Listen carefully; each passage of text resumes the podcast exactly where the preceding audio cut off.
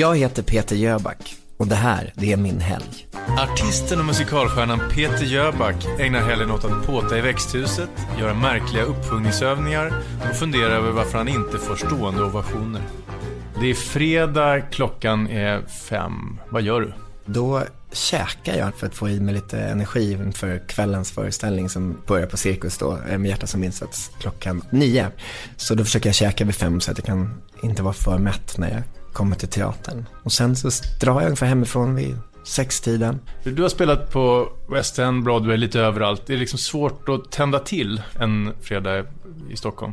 Ja, men det kan vara olika. Alltså, jag tycker oftast man tänds ju till när man kommer in på scenen. För att det är ju mötet med publiken och energin liksom i rummet och sådär. Och därför är ju publiken superviktig. Vad det är för energi i publiken. Jag menar, det är ett samspel hela tiden som man har med publiken. Ju mer på de är, desto mer på blir jag också. För man känner ju av energin, man spelar ju på energin. Men visst, det är klart det har funnits tillfällen när man har kört åtta föreställningar i veckan av en föreställning på Broadway eller West End, att man känner att idag orkar inte jag. Men då får man ta på sig sina proffsiga byxor liksom och säga, det är bara att köra. Men din loge på Cirkus, hur ser det ut? Mm. Alltså den logen som är då, kallas för min loge då, där har jag inte så mycket för att jag hinner aldrig tillbringa någon tid där nästan för att jag är mest nere vid scenen och föreställningen är en och en halv timme.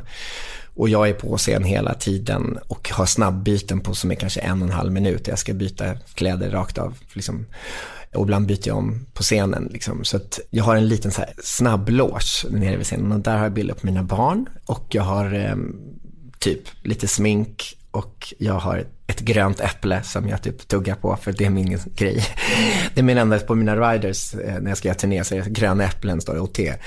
Möjligtvis. Så långt vatten. från Keith Richards som man kan komma. Ja, eller hur, eller hur. Jag är lite smartare än honom.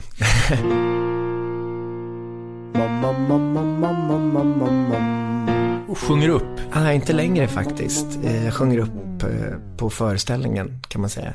Okej, okay, så eh, inte, inte ett skrik? Nej, inte det kan, en... jo det kan jag kan lite så här, det här är en bra, det kallas randregistret. För ja, er får vi höra? Då är det så här, lite så. Det är mest för att slem och grejer ska lossna från halsen. Det kommer en gång i varje artists liv där han måste välja. Att lägga sitt hjärta i handen och säga varsågoda. Med hjärtat som insats. Mm. Vad menar du med det?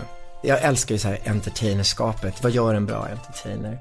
Så en del är att jag har liksom försökt att komma på vad gör en bra entertainer? Jag har kommit fram till det. Jag gjorde en tv-serie som heter Med hjärtat som insats för några år sedan på SVT. Där jag följde så här spåren av mina idoler som Frank Sinatra och Piaf och Charles Aznavour och Brel och Bowie och med mera. Och det som slog mig då att de gjorde sina bästa grejer när de hade hjärtat som insats. Om det handlade om att de visste att de skulle dö eller att de hade blivit lämnade av sin största kärlek eller där man på något sätt verkligen vågade testa alla sina sidor. Liksom. Så jag har väl försökt att leva efter det när jag gör mina grejer och att hjärtat alltid varit som en insats i mitt liv. Liksom. Det känns som när man lyssnar på dig och när man läser intervju med dig så känns det som det har funnits en vändpunkt någonstans i livet. Mm. Ja, men jag tror min största vändpunkt så på riktigt, det var nog jag, när jag var på behandlingshem när jag var 35. När jag gjorde min riktiga resa, när jag förstod vad jag var utsatt för som barn och sådär. Och vad jag gjorde mot mig själv liksom. Jag har i vissa perioder i mitt liv velat tillfredsställa andra än mig själv. Har liksom glömt bort mig själv för att få bekräftelse och sådär. Eh, och någon sa till mig då att du är 35 år nu och du kan bestämma själv hur du vill leva ditt liv. Vad hade du gjort mot dig själv? Det är så många saker. Så jag har liksom valt att inte berätta allting för att när man gör den här resan så är det så jävla jobbigt. Och eh, jag vill vara mer inriktad på att berätta hur det känns när man kommer på andra sidan. Och jag tror att det ger mer hjälp för andra människor, att det finns en annan sida än att berätta. Men det var många saker som inte var speciellt bra mot min kropp. Och nu är du på andra sidan och står inför liksom tusentals människor som älskar dig på Cirkusscen en fredagkväll. Vilken låt är den stora showstoppen? Den som har blivit en showstopper är faktiskt en cover som jag gjorde som heter Everybody Hurts med R.E.M. Everybody hurts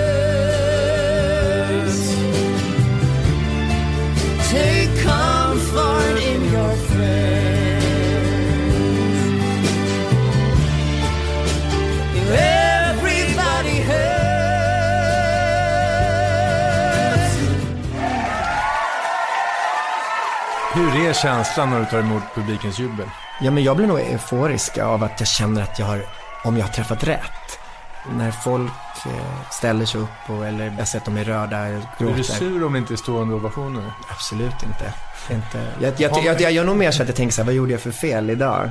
Men Hur många gånger går du in efter liksom? Nej men vi har, jag brukar inte mjölka mina på attack. Jag, jag, jag tackar en gång och sen så... Efter föreställningen, hur taggar du ner? Med en korv. Nej men då, då eh, så åker jag hem. Jag bor ju på Värmdö som är mitt paradis. Och då brukar jag stanna på macken ute vid eh, Hemmesta och så köper jag en korv. det, det tycker jag är... Vanlig varmkorv? Ja, en varmkorv med senap. Och sen åker jag hem och lägger mig. Lördag morgon då? Eftersom jag inte har barnen den här helgen, eller vi har barnen den här helgen, så passar jag på och eh, tar en lång sov. För att jag har ju två föreställningar idag och då vet jag att jag kommer väldigt trött på kvällen om jag inte sover ordentligt. Du är en sån som kan sova liksom som en tonåring? Ja, jag, ja fast jag kan ju sova framför tvn också. Alltså, den typen av sovning också. Men just att jag tar det lugnt, att jag softar liksom. Vem lagar frukosten? Det varvar vi och, och jag och Oskar. Vad blir det på lördagarna? Nu när vi har fått barn och sådär, så de gillar ju scones och sådär, så då brukar vi baka scones och ha mysfrukost och det är fil och flingor och en macka. Det är en sån vanlig svenssonfrukost tror jag. så är det härligt. Eller så ibland kan vi åka iväg och käka brunch. Det finns ju Siggesta gård, finns ju där. De har superbra brunch. My garden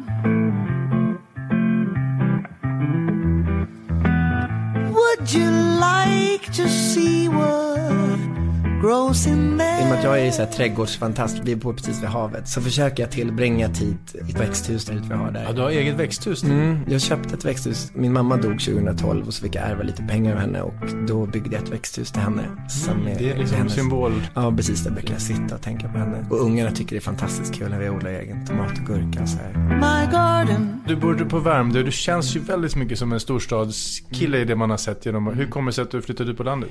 Jag är en verkligen storstadsperson och jag har rest sen jag var liksom ung. Och det slog mig så här att jag har ju alltid rest i storstad. Jag har aldrig rest här till en strand eller något sånt där. Jag har bara rest i pulsen.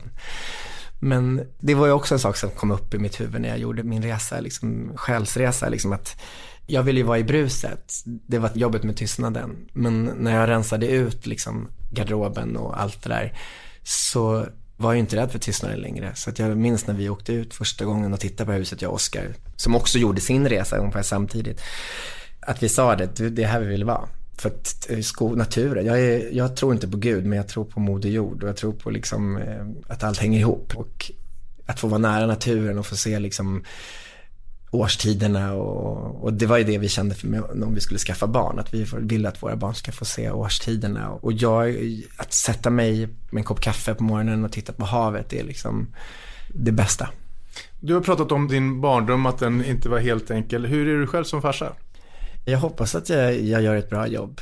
Jag tyckte det var viktigt för mig också att när jag och Oskar blev tillsammans och vi började prata om att det vore kul att bilda familj så kände nog både han och jag att vi ville rensa ut vår egen historia på något sätt och bli klar med den. Jag ska inte gå in på Oskar som han är adopterad och han hade lite grejer från det. Och, och jag hade mitt. Så att vi båda har gjort liksom vår hemläxa i det. Att vi, vi tar inte med oss, äh, det är svårt att säga att vi inte tar med oss någonting. Men jag tycker ändå inte att vi, vi är liksom klara med vårat. Vi har liksom, nu bestämmer vi liksom.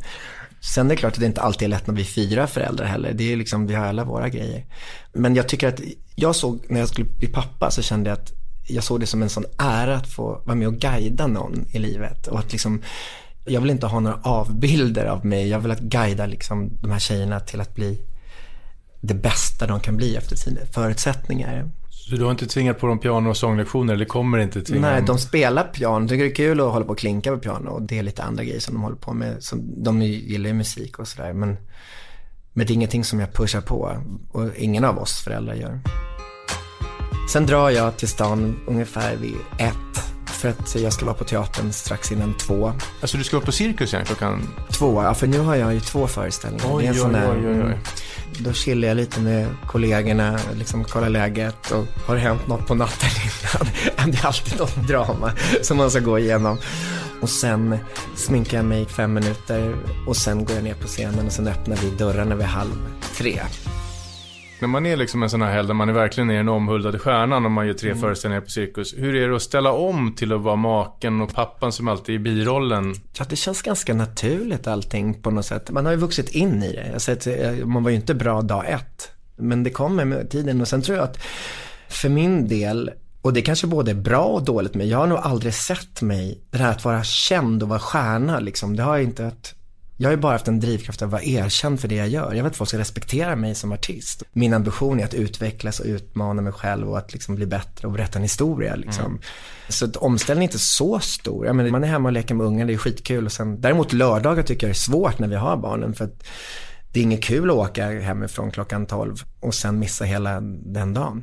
Men det är, ja, man känner sig att man skulle gärna vilja vara Känner lite utanför? Ja, man, ja, ja, men mer att man skulle vilja vara hemma. Speciellt när barnen är små så vill man ju de säger så mycket roliga saker. De, Hur gamla är de? Fyra och fem. Men eh, jag är ju ledig de dagar som vi har dem i veckorna. Det är söndag morgon. Alltså, så, i och med att jag har haft två föreställningar och det blir ett långt häng liksom, på teatern så är jag ganska slut. Liksom. Så söndagar försöker jag ju, om det är en barnfri helg, sova ut lite grann. Men sen har jag en så här extrem passion eller addiction till sådana här tv-serier och grejer. Mm. Så att då blir Netflix eh, som råder för mig. Vilka är serierna? Jag älskar Springfloden på SVT, om man säger svenska serier som jag tycker jättemycket om. Innan har det varit med Stranger Things och The Affair som är så här, men jag orkar inte vad bra det är.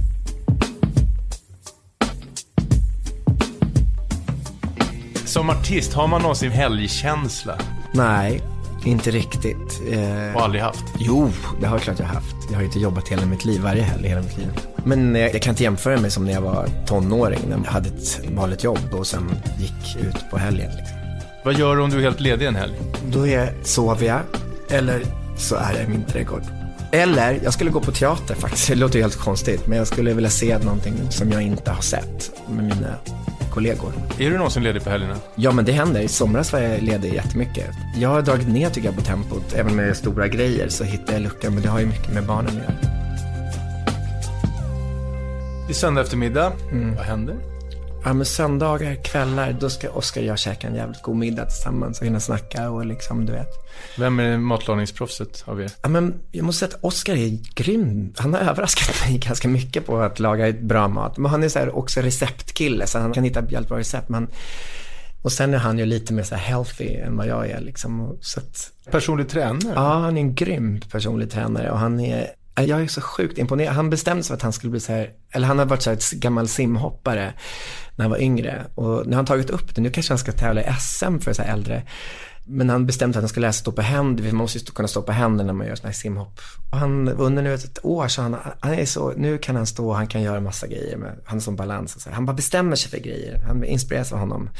Vad hade det med mat att göra? Jag vet inte, men... Eh, ja, men han ska laga. Ja, han, han, lagar, han lagar vi säger, ja, middagen. vi säger att han, fan, han får laga. Han, han får laga. Ja, han får laga. Jag har jobbat. Och vad gör han? Ditt bästa? Det är någon så här kyckling med någon ris och sallad och gott. Vad snackar ni om då? Om livet. Om var vi befinner oss i livet. Och eh, de grejer som vi måste beta oss igenom. Och, eh, och se varandra i de struggles vi har. Och befinner ni er på en bra plats i livet just nu? Ja, både och tycker jag. Men så är ju livet. Jag tycker det är både och hela tiden. 1 till 10? Ja, 7, 8 kanske. Det är ganska bra. Mm. Det skulle vara konstigt om man var en 10. Alltså för att 10, då ska allt vara bra. Det skulle vara ljug. Om man säger 10 ja. så skulle det... Nej men förstår du vad jag menar? För mig ja. blir det lite, alltså du kan säga i stunden. Vad fan var någon som sa häromdagen, men lycklig är liksom fel ord att sträva efter. Frid ska man sträva Aha, efter. Ja men det är bra, frid är bra.